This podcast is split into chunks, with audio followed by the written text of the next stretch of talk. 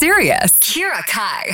Vanuit mijn raam heb ik zicht op een niet al te goede film die zich nu live afspeelt. Een film waarbij straten van overvol zijn veranderd in extreem leeg. Waar de sfeer redelijk relaxed oogt, maar waaronder dit schijnbedriegend beeld een hoop spanning en angst leeft. Waar de traag voorbijslenterende mensen in groot contrast staan met de andere werkenden in ziekenhuizen en dergelijke. Een film over een pandemie, genaamd COVID-19. En ik kan jullie vertellen over wat COVID-19 is, of waar de film begint, of hoe fascinerend het is dat zoiets kleins ons beeld van een normale samenleving kan vernietigen. Maar nee, dat ga ik jullie niet vertellen, want ik denk dat jullie de film waarschijnlijk allemaal zelf wel kennen. Zo niet? Kijk even naar buiten. Ik wil inzoomen op de kleine scènetjes en de details die de regisseur heeft bedacht. De beelden die ik dan voor me zie zijn de scènetjes. Oh, bijvoorbeeld dat scènetje van die jongen en het meisje die op het bankje zitten aan mijn gracht op anderhalve meter afstand met een hoop eten tussen hen in, terwijl ze met hun gedachten en hun blikken al boven op elkaar zitten en samengesmolten zijn tot één substantie. Of, uh, oh ja, of die ene scène met dat meisje met dat diep uitgesneden shirt die ons een kijkje geeft in haar vrouwelijke vormen en die zichzelf met een drankje in haar hand gemodelleerd heeft in een stoel op de houten steiger, waar een boot voorbij vaart met mannelijk testosteron die van verveling overgaat naar extreme opwinding, adrenaline en staan stuiteren op hun plek van de hormonen en een totale crash hebben in hun brein. En alleen maar kunnen kijken naar de vrouwelijke vormen van het meisje, die zij trots aan hen showt, wetende dat ze alleen maar kunnen kijken. Zo zie je dus dat de regisseur eindeloos heeft gedacht aan details die zich achter het hoofdonderwerp daar ergens in de hoek van het beeld afspelen. Tussen jongens en meisjes, uh, twee mannen, opa's en oma's, twee vrouwen, etc.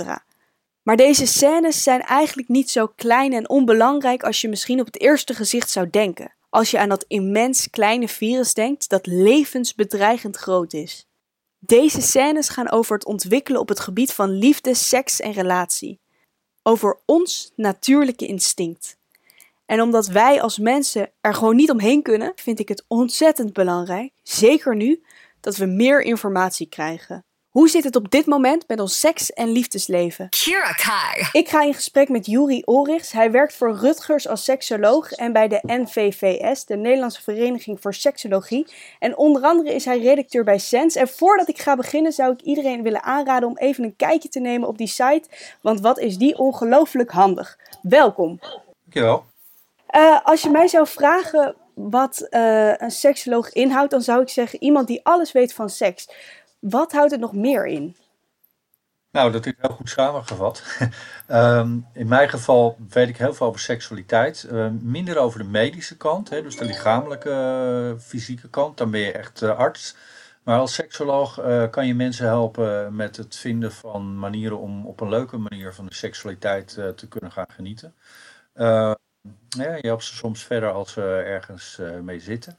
En in mijn geval geef ik veel informatie aan uh, jongeren over seksualiteit. Uh, via sens.info, de website waar je het net over had. En ik train ook veel mensen die werken met jongeren, bijvoorbeeld docenten of jongerenwerkers. En dat doe ik zowel in Nederland als in het buitenland, als ik mag reizen.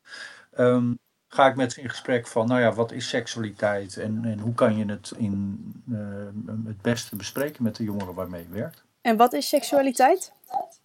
Ja, dat is uh, heel veel. Dat is uh, iets wat je hele leven al meedraagt.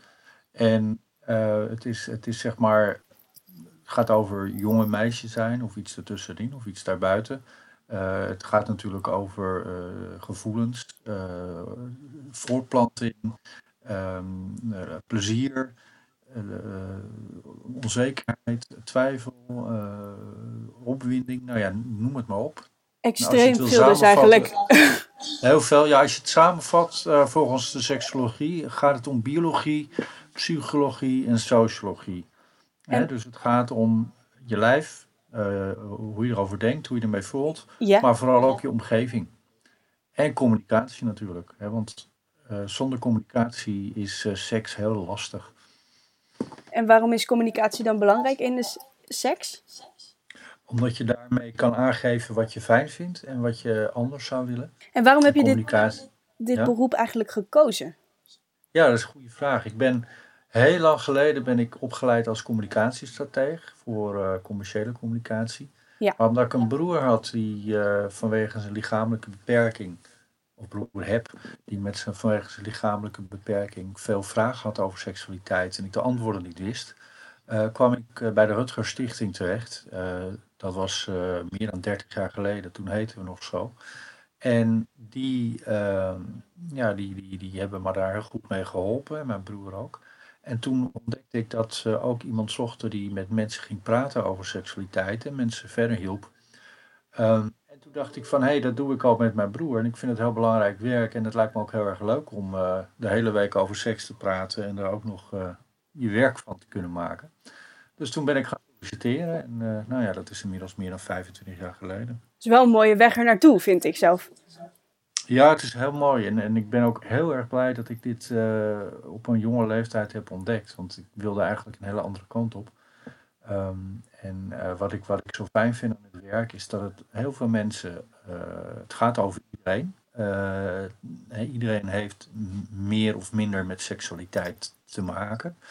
Eh, maar het is heel verschillend. En eh, als je erover praat eh, en je weet, zoals ik inmiddels, daar op een leuke en goede manier met mensen over in contact te komen, ja, dan hoor je heel veel verschillende verhalen en, en kun je soms met hele simpele informatie veel vragen oplossen. En eh, we zitten natuurlijk nu in een hele rare situatie, een soort van intelligente lockdown. En als je jonger bent, dan zit je in de puberteit en dan ben je juist aan het onderzoeken op het gebied van liefde en seks. Wat zijn jouw tips aan jongeren die nu gieren van de hormonen en toch binnen moeten blijven? Ja, nou dat is, dat is erg lastig. Maar gelukkig heb je veel leuke websites. hè, bijvoorbeeld Sens.info, waar je heel veel over seksualiteit kan lezen. Ehm, en eh, ook, ook bijvoorbeeld hoe je op een leuke manier seks kan hebben met jezelf. Ehm, vorige week, eh, of een paar weken geleden, eh, hadden we bij het begin van deze crisis hadden we nog een vraag van iemand die zei: ja, hoe kan het eigenlijk op een leuke manier seks met jezelf? Ehm, nou, er zijn veel meer manieren dan je misschien voor mogelijk hebt gehouden. En ook, ook lees je op onze website ook veel persoonlijke verhalen van mensen die met hetzelfde zitten. En eh, hoe- diegene- hoe je daarmee omgaat. Dus bijvoorbeeld als je niet samenwoont eh, en je hebt elkaar net ontmoet voor de coronacrisis eh, en je mag nu ja, alleen op afstand samen zijn, wat kan je dan doen? En wat kan je dan doen? Nou ja, die, die, die tip was om, om toch samen gaan afspreken in, in bijvoorbeeld het park. En dan ja, op een wat, wat grotere afstand, ja, anderhalve meter, dan met elkaar in gesprek te gaan. En nou ja, bij, bij, kijk, bij geen ziekteklachten kan je natuurlijk eh, ja, een risico lopen, maar dat, dat, dat, dat er één besmet is. Maar ja, dat moet je natuurlijk wel goed in de gaten houden. Want ik vind het wel leuk dat je Nooit, het inderdaad al hebt over samenkomen. Want ik had een vraag, want stel je voor, we zouden echt die anderhalve meter samenleving krijgen voor een lange tijd. Eh, Ja. Wanneer mag je dan als je gaat daten wel dichterbij komen? Ik zou denken van ja, als je allebei bent getest, weet je, dan eh, en, en, en maar ja, het is niet iedereen mogelijk om te testen. Kijk, en, en we werken natuurlijk bij Sens.info voor eh, ja, ook, ook jongeren onder de 18. En ja, die zijn natuurlijk wel wat minder eh, kwetsbaar. Maar ja, je zal maar net iemand zijn bij wie dat virus op een hele vervelende manier toeslaat. Ja. Dat, ja, dat, dat weet je natuurlijk niet van tevoren. Dus ja, het is, ehm, eh, weet je, als je, als je echt geen risico wil lopen, ja, zie dan even af van, van seksueel eh, contact. En, en eh, weet je, je mag elkaar natuurlijk wel eh, aanraken. Ik bedoel, dat, dat, dat op zich is dat niet riskant, maar ja, zorg dan wel dat je meteen je handen wast. Dat is altijd heel natuurlijk, maar dat, is, Ja. ja. dat, is, dat is niet. ja. En kijk, als je samen woont, ehm, dan is het natuurlijk weer een ander verhaal. Dan zou je natuurlijk wel seks kunnen hebben. Alleen is het zo, ja, heeft er één klachten, dan, eh, ja, dan moet je natuurlijk allebei in quarantaine. En of je dan het risico wil lopen dat jij die klachten overneemt, ja, dat, dat is natuurlijk een persoonlijke keuze. En je had het net al over eh seksualiteit of seks met jezelf. En ik las in het parool dat porno eigenlijk nu volop wordt gebruikt in deze tijd. Alleen Ja. ik las ook dat bij porno extreem veel dopamine vrijkomt, waardoor er soms geen echte vrijpartij meer tegenop kan. Hoe is het überhaupt mogelijk dat porno soms meer met ons doet dan echte seks? Nou ja, dat komt omdat je natuurlijk op zoek gaan naar, eh, zeker nu, eh, wat je leuk vindt en wat je prikkelt. En daar blijf je dan hangen. En, en uh, de visuele stimulatie is heel belangrijk hè, als je seksueel opgewonden bent. Um, en als je dan vervolgens ook seks met jezelf hebt, weet je precies waar je jezelf kunt aanraken en hoe je dat moet doen, welk tempo en, en welke fantasie je hebt. En je wordt dan niet afgeleid door iemand anders die misschien iets anders wil. En dus daardoor ehm, kan het zijn dat je op die manier wat extra opgewonden wordt en, en extra seksueel geprikkeld uh, bent. Maar is dat dan niet heel erg voor de seks überhaupt, als je als porno eigenlijk meer met ons doet dan seks? Nee, zolang je maar in de gaten houdt dat porno natuurlijk niet realistisch is. Weet je, en wat je ziet, het is, een, het is net zo'n fantasie. Weet je, je mag fantaseren wat je wil. Ja. Ehm, maar sommige fantasieën die zullen nooit in de praktijk uh, kunnen worden uh, beleefd. Omdat ze strafbaar zijn bijvoorbeeld. Hè. Stel dat je met iemand, stel dat je heel erg opgewonden wordt van iemand uh, zo tussen de 12 en 16 terwijl je zelf 25 bent. Ja, daar kan je niks mee beginnen. Hè, dat is strafbaar. Maar um, ja, je mag er wel over fantaseren. En je had het net al inderdaad over uh, misschien jongens en meiden die relaties hebben. Is zo'n halve quarantaine goed voor jongeren die uh, al een relatie hadden en nu veel met elkaar opgescheept zitten op gebied van relatie en op gebied van seks? Ja, dat, dat, kan, dat kan heel erg verschillen hoe je met elkaar omgaat. Ja, sommige mensen die komen elkaar op een hele leuke manier tegen door deze quarantaine. Die merken dan, hey, het is heel leuk om met elkaar in één huis te zijn en nou ja, weinig mogelijkheden te hebben om, om andere mensen te ontmoeten. En ik kan me heel goed vermaken met, met je samen op verschillende manieren. Uh, voor andere mensen die, uh, ja, die ontdekken door misschien de minder leuke en, en lastige kanten van iemand anders, waardoor de relatie ja, toch even wat minder leuk wordt. En je misschien wat harder moet werken om, om het leuk te houden. En is dat dan goed voor op het gebied van seks, als je veel in elkaars aura zit? Ja, dat kan. Ja, ja. En, maar dat, dat geldt ook als je in een lange relatie zit, uh, als je elkaar heel goed kent. Uh, ja, dan zul je soms ook uh, wat harder moeten werken om de seks leuk, spannend en gevarieerd te houden. Ja, want het is natuurlijk wel heel vertrouwd. En ja, voor sommige mensen werkt het prima. En die, die, die vinden het heel fijn om alleen maar op een vertrouwde manier seks met iemand te hebben. En anderen die, die, worden, daar, ja, die, die worden daar vervelend van. Die, die, die willen afwisseling.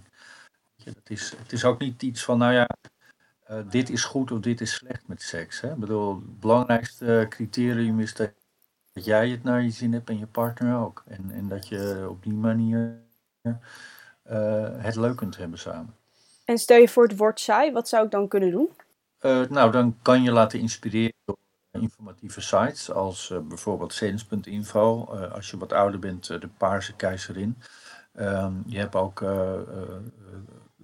porno van Blue Artichoke uh, van Jennifer Lyon Bell.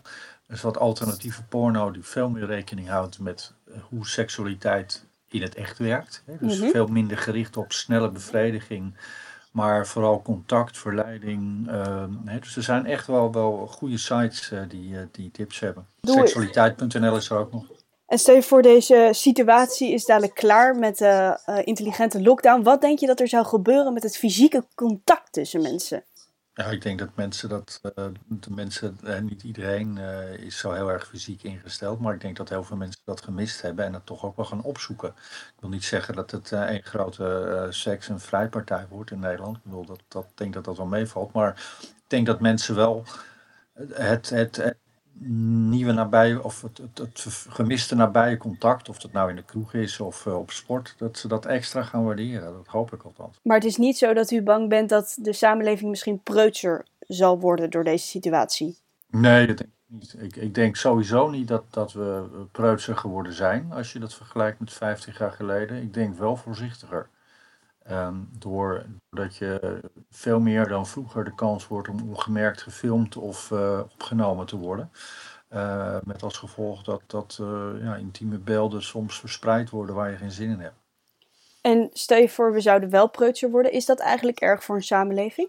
Aan de ene kant denk ik van, nou ja, als mensen minder van zichzelf laten zien, dan wordt het extra bijzonder als je elkaar wel een bloot geeft. Hè? Dus mm -hmm. als je elkaar bloot ziet en, en, en intieme contact hebt met elkaar. Hè? Dus dat, dat verhoogt dan misschien de spanning en het plezier.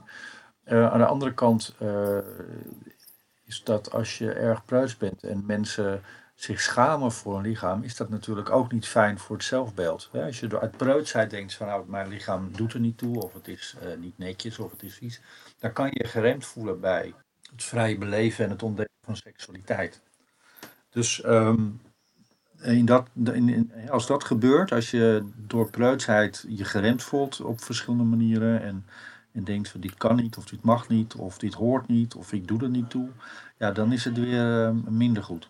En je had het net inderdaad al over vroeger. Is er in de geschiedenis uh, de seksuele situatie voor mensen ooit zo ingewikkeld geweest als nu? Dat vind ik heel lastig. Uh, kijk, weet je, de, de, de, de, de ideeën over seksualiteit zijn natuurlijk door de hele geschiedenis heen aan verandering onderhevig.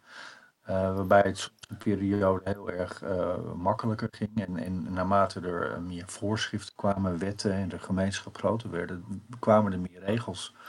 Uh, en ja, ook die regels en die afspraken die maken het best wel lastig. En ook, ook de ideeën die mensen hebben over mannelijkheid en vrouwelijkheid, wat ik, wat ik heel vaak in mijn werk tegenkom. En dat zijn dan niet formele wetten of, afspraken of, of fysieke beperkingen of, of beperkingen in het kunnen samen zijn.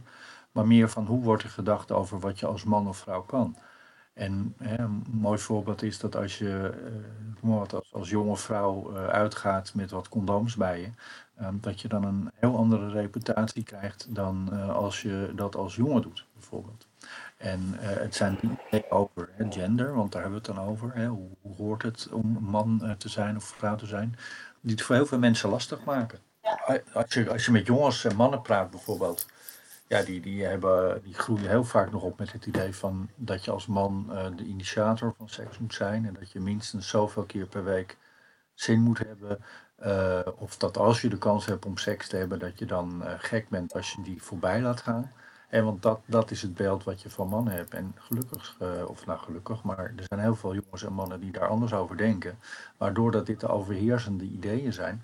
Um, voelen ze zich soms niet een echte man of uh, hebben ze het idee dat ze seksueel niet voldoen. En dat is natuurlijk onzin. Maar waar komen die beelden dan vandaan? Is het echt dat mannen meer zin in seks hebben of is dat nee, een hoor. soort van fabel? Nee, dat is een fabel. Dat is, uh, dat is hè, als je kijkt naar de, de, de, de, in de, de um, de, de, de opwinding. Er is heel veel onderzoek gedaan in Nederland. Er wordt heel veel goed onderzoek gedaan daar in het AMC. Is er, uh, uh, is er geen fysiek verschil tussen man en vrouw als het gaat om seks, drive of zin in seks? Het is zo afhankelijk van omstandigheden en uh, qua hormonen heeft het eigenlijk niks met elkaar. Dus er is geen verschil tussen. Maar het zijn gewoon ideeën. Hè. Er zijn heel veel mannen die uh, ja, toch de baas zijn geweest in de gemeenschap. Uh, en uh, die uh, ja, toch daar bepaalde ideeën over seks op nahielden. Um, en de vrouwen die halen het langzaam maar zeker een beetje in, in deze kant van de wereld. Je, je kan tegenwoordig, lees je veel meer boeken van vrouwen en, en jonge meiden en, en ook, ook podcasts en, en vlogs die, die openlijk praten over hoe ze van seks genieten. Terwijl ze 20, 30 jaar geleden ja, was dat eigenlijk ondenkbaar. Dan kreeg je geen goede reputatie als vrouw natuurlijk heel gek, maar uh, dus, dat is wel helaas zo geweest. Dus eigenlijk uh, door onze geschiedenis hebben wij een bepaald beeld uh, over hoe we over seks moeten denken en hoe wij over mannen moeten denken ja. en ook ja. over vrouwen. Ja, ja. En, en met name die idee over mannen en vrouwen. En, en, en tegenwoordig gelukkig uh, denken we ook aan alle andere mensen ertussenin. Hè? Dus de transgender of de, de, de, de queers of ja. noem maar op. Ja, die ideeën die zitten heel veel mensen in de weg. Eh, meisjes of vrouwen die denken, ja, ik heb wel zin in seks. Of ik, eh, ik wil eigenlijk wel uh, verkering met iemand of met iemand op pad. Maar het, kan niet als meisje om te gaan daten of iemand uit te vragen om een date. Er zijn nog heel veel plekken in Nederland, maar ook in de rest van de wereld, waar, waar meisjes dat niet doen. Omdat ze dan denken, ja, wat denken ze dan wel niet van mij? Maar je zegt inderdaad al dat er best wel veel verandering is. Maar heb je dan ook goede verwachtingen of hoop voor de toekomst? Dat deze normen en waarden een beetje ja, verouderen? Ik heb, ja, ja ik, ik, uh, het zal een lange adem zijn en, en, veel geduld. Maar als ik kijk hoe... hoe uh, ik heb zelf een dochter van uh, eh, 12,5. Hoe zij en andere kinderen in haar omgeving bijvoorbeeld reageerden op uh, dat, de video van Nikki Tutorials, hè, waar ze zei dat ze geboren was als, als jongen. Ja. Um, denk je van, nou, ja, we uh, ze zeiden allemaal, ja, nou en, weet je. En het feit dat er op scholen uh, ook Paarse Vrijdag wordt gedaan. Veel meer bewustzijn over, over ja, diversiteit in gender en seksualiteit. Ehm, ook op tv, ook in de media denk je van, nou ja, weet je, er is nog een hoop te doen. Maar ik heb wel het idee dat er uh, meer aandacht is. Ik heb laatst voor het eerst iemand van 22 gesproken die al heel duidelijk was dat uh, over zichzelf. Die zei, ja, ik ben panseksueel. Nou, toen ik 22 was had ik er nog nooit van gehoord. En uh, ik vond het heel, heel fijn om te merken dat iemand al zo bewust is van zijn eigen seksualiteit. En denk je ook dat misschien het geslacht minder belangrijk gaat worden in de toekomst? Ja, ik hoop, ik hoop het. Het, is, het gaat toch echt meer om mensen dan, dan om het geslacht zelf. En uh, nou ja, het is, dit, is wel een tijd waarin dat langzamerhand, uh, dat besef uh, bij meer mensen begint neer te dalen. En ik heb even een hele andere vraag. Stel, je wordt nu geboren en je groeit nu op als kind. En je komt in, inderdaad terecht in die anderhalve meter samenleving. Heeft dat effect op seksueel gebied?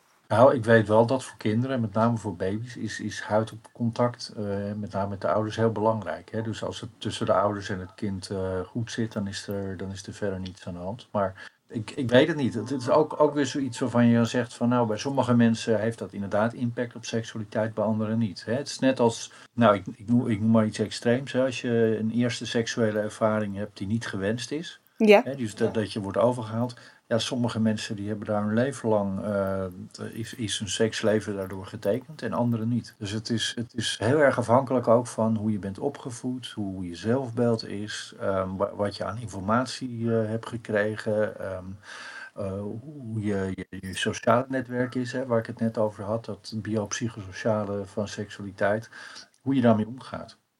En worden wij ook ongelukkiger als wij geen fysiek contact meer mogen hebben? Uh, niet alleen als baby's, maar ook gewoon als we ouder worden? Ja, als dat, ik, denk, ik denk wel dat als, je de, de, als dat echt niet kan, het fysieke contact, dat dat wel een impact heeft op het uh, welzijn van mensen. Ja, dat zie je ook wel, uh, wat je nu ook wel leest soms. En mensen die dat echt missen. Uh, niet alleen in seksuele zin, maar gewoon even een arm om je heen slaan. Hè, wat je dus ook ja. leest in de ja. overleding. En natuurlijk ook uh, in de verpleeghuizen, waar uh, de oudere mensen soms echt dat contact missen. Wat kan het effect zijn dat sekswerkers niet meer mogen werken nu? Ja, nou ja, de, ja, mensen die, die, die, die daar echt, echt uh, afhankelijk van zijn. Hè? In die zin van dat, ze, dat hun enige seksueel contact is. Ja, dat kan heel vervelend zijn. Maar die moeten ook op zoek gaan naar een andere manier van seks. En, en uh, ja, je hebt altijd de theorie van, nou ja, weet je, als er geen sekswerkers waren, dan was er veel meer seksueel grensoverschrijdend gedrag. Nou ja, die anderhalve maatregel, die uh, zou je kunnen zeggen, dat is dan weer een extra barrière. maar um, ja, dat geloof ik ook niet. Dat is ook weer, hè, ook weer heel erg verschillend. Ehm, ik denk dat er op een andere manier naar sekswerk wordt gekeken. Ik denk dat er ook wel, doordat het kan, uh, dat mensen ineens denken van ja, het is toch wel goed dat het er is. En uh, dat daar ook andere ideeën over ontstaan. Dus jullie zijn niet zozeer bang, omdat er geen sekswerkers meer zijn, dat er meer seksueel geweld zal plaatsvinden en dat soort dingen?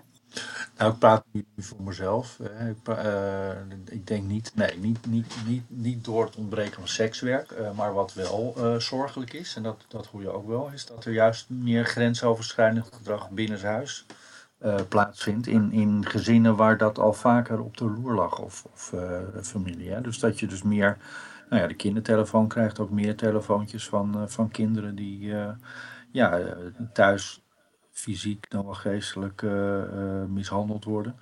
Um, hè, kortom, er zijn slachtoffers of, of, mogelijke slachtoffers van, van grensoverschrijdend gedrag nu wel minder mo mogelijkheden om het huis uh, te verlaten. Ja. Als, kunst, ja, als de nood hoog is, is er natuurlijk altijd hulp. Hè. Je hebt altijd meldknop of Veilig Thuis of Help Wanted online, waar je terecht kan met, met vragen als je, of, of voor acute hulp. Maar goed, ja, je zit wel meer met, met op elkaar. Dus de, de, de mogelijkheid voor mensen die grenzen willen overschrijden, uh, zijn natuurlijk wel groter nu ze meer binnenshuis zijn. En wat zijn eigenlijk de voordelen van een anderhalve meter samenleving voor liefde en seks? Nou ja, dat je misschien iets meer gaat hunkeren naar contact. Hè? Dat het verlangen en wat groter wordt. En als het dan gewoon uh, plaatsvindt, dat je daar een extra van geniet. Ik denk dat je er ook wel een extra herwaardering is ook, hè, van het fysieke contact, los van het, het puur seksuele. Oké, en ik zeg wel inderdaad de hele tijd uh, anderhalve meter samenleving. Maar denk je dat dat überhaupt wel mogelijk is? Omdat wij in ons instinct natuurlijk hebben om dicht bij elkaar te zijn, elkaar aan te raken. Ja, nou ik denk dat het heel lastig wordt als dit langer gaat duren. En mijn allerlaatste vraag is eigenlijk, stel je voor ik heb nog ontzettend veel vragen over seks oh, in deze periode of überhaupt. Ja. Waar zou ik het beste heen kunnen met mijn vragen? Nou, als je uh, tussen de 12 en 25 bent, uh, zeker naar zens.info, hè, dus s-e-n-s-e.info. Uh, en voor iedereen die ouder is, of, of gewoon meer wil weten over seksualiteit, in, in algemene zin, seksualiteit.nl. dat zijn twee hele goede websites. Ik wil je ontzettend bedanken voor dit interview. Ik ben een stuk wijzer geworden. Ik hoop jij thuis ook. Dit was ja. Kira Kai in Stack Series. Tot de volgende Heel keer. graag gedaan.